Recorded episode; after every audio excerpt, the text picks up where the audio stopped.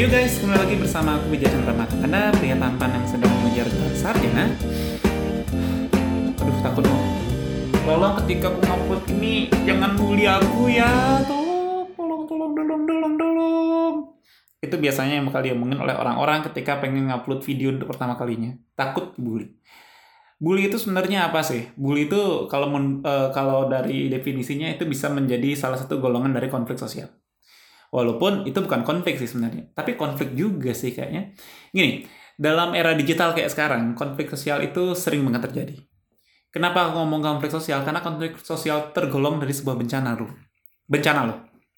Di saat aku ngikutin lomba yang namanya The Journalism Day, di mana eh, ngebahas tentang tantangan seorang jurnalis dalam era digital dan ada pembahasan bencana, aku mikir bencana apa yang cocok untuk dibahas, dah, dan itu. Konflik sosial. Kenapa sih konflik sosial itu benar-benar riskan? Gini, di era digital, konflik sosial itu gampang terjadi. Karena apa? Beritanya gampang, terus aksesnya gampang, komennya juga gampang, dan mereka bisa menggunakan, mereka aman. Karena mereka kemungkinan menggunakan second account, third account, pokoknya akun yang bukan akun aslinya mereka, menggunakan nama aneh-anehnya mereka, sehingga mereka merasa mereka tidak diketahui. Jadi mereka merasa menjadi orang lain di dunia sosial, sehingga mereka bebas untuk membuli, hate speech, atau bahkan ya banyak hal lah yang bisa dilakukan oleh orang-orang ketika eh, konflik sosial itu banyak ba- bisa banget terjadi ketika ya dalam posisi sekarang, dalam posisi kita di masyarakat era digital. Konflik sosial itu gampang terjadi di era sekarang. Terus, karena itu merupakan sebuah bencana, tentunya seorang wartawan harus bisa meliput itu semua. Apakah wartawan bisa melakukan itu? Ya bisa. Wartawan meliput bencana konflik sosial.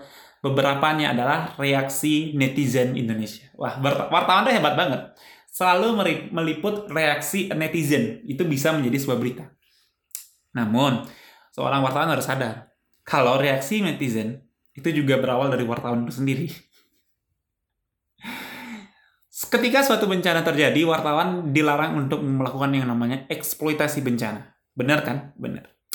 Terus eksploitasi bencana itu apa sih? Aku nggak tahu pengertian yang terlalu jelas. Tapi ada sebuah buku dari Joe Hyde dan Ken McMahon. Aku nggak tahu cara pronounce yang benar. Itu dalam bukunya meliputi trauma panduan Dark HRT untuk para wartawan, redaktur, dan juga manajer mengatakan ada pertanyaan nggak boleh kita kita tanyakan kepada narasumber ketika suatu bencana terjadi. Yaitu, bagaimana perasaan Anda? Walaupun pertanyaan ini biasanya akan menimbulkan eh, banyak pembaca ya. Jadi ketika ada pertanyaan itu, otomatis jawaban dari pertanyaan itu akan menjadi headline, tagline dari sebuah eh, menjadi judul dari sebuah berita. Dan itu bisa mengundang masyarakat untuk membaca. Jadi makin banyak orang baca, berita itu makin bagus, sensasinya banyak, dan akhirnya wartawannya bisa dapat banyak eh, gini, banyak uang dari situ karena beritanya bagus. Cuman itu nggak baik. Itu namanya eksploitasi korban. Korban maupun pelaku dalam kalau dalam konflik kan pasti ada pelakunya. Cuma nggak cuma korban aja. Konflik sosial itu pasti ada pelakunya, nggak cuma korbannya. Ketika menanyakan hal itu, itu bisa menimbulkan konflik. Itu masalahnya ini konflik sosial. Ini masalah konflik sosial. Shock aku tadi. Ini masalah konflik sosial. Ini masalahnya adalah konflik sosial di masyarakat ini udah terjadi diberitakan oleh media. Set. Nah, media perannya di sini gimana caranya agar konfliknya berputar di situ aja? Kalau konflik sosial, gimana caranya konfliknya itu cuma berputar di tempat itu aja? Jangan sampai terjadi konflik baru di masyarakat. Konflik sosial contohnya apa sih? Konflik sosial itu contohnya kayak demo mahasiswa kemarin, itu konflik sosial dengan yang di atas mereka. Dan yang baru-baru ini terjadi adalah glorifikasi kasus pelecehan seksual. Itu merupakan salah satu contoh konflik sosial. Awalnya itu kan konflik di antara dua, dua belah pihak ya. Antara korban dan juga antara korban dan pelaku. Atau enggak keluarga korban sama keluarga pelaku. Itu konfliknya di situ. Kenapa akhirnya menjadi konflik yang luar biasa besar sekarang? Karena di glori, eh, karena itu tiba-tiba dieksploitasi oleh media. Eksploitasi oleh seorang jurnalis dengan pertanyaan pasti pertanyaan itu bagaimana perasaan Anda? Pasti pertanyaannya itu. Karena ketika Anda menanyakan pertanyaan itu otomatis ya salah satu kalau kita menanyakan satu belah pihak ke korban korban pasti korban pasti merasa benci.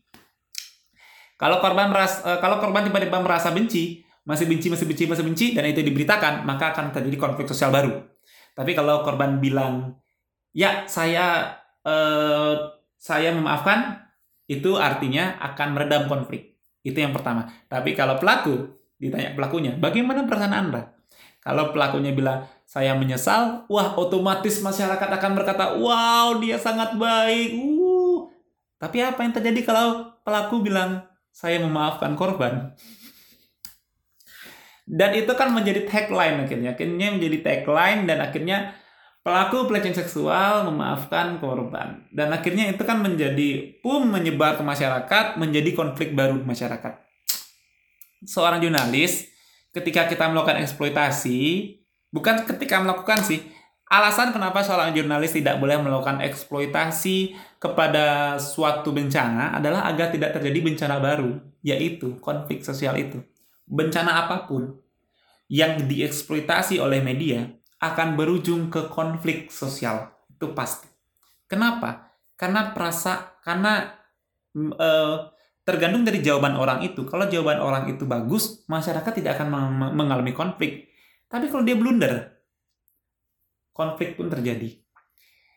Eksploitasi dari bencana itu bahaya. Karena apa? Karena itu akan menimbulkan sebuah konflik baru di masyarakat. Sebuah bencana baru di masyarakat.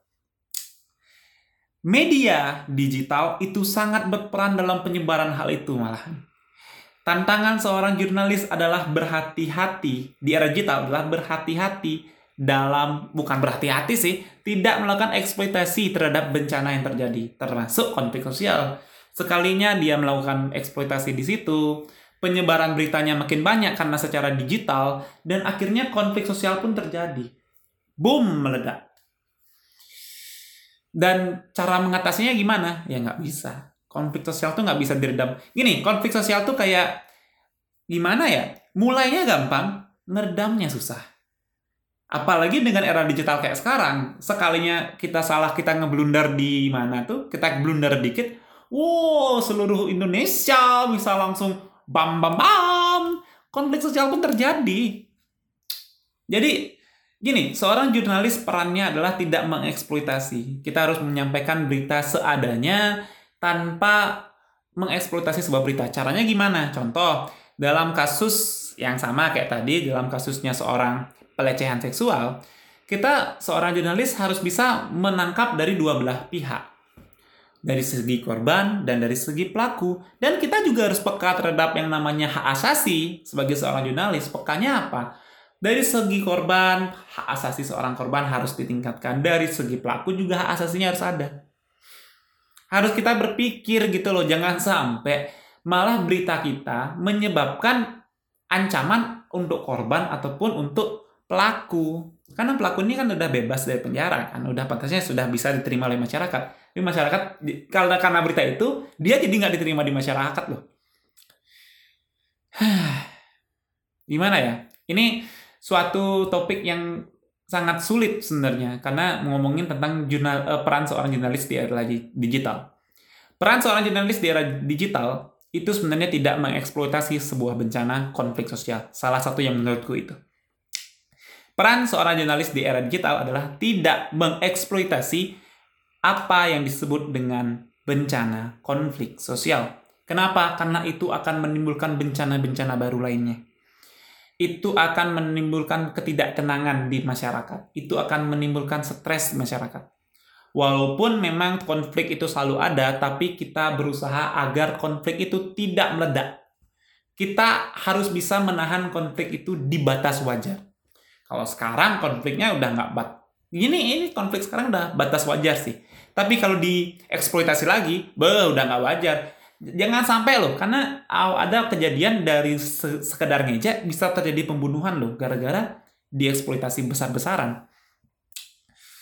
Jadi itu sih peran seorang jurnalis di era digital adalah tidak mengeksploitasi konflik sosial.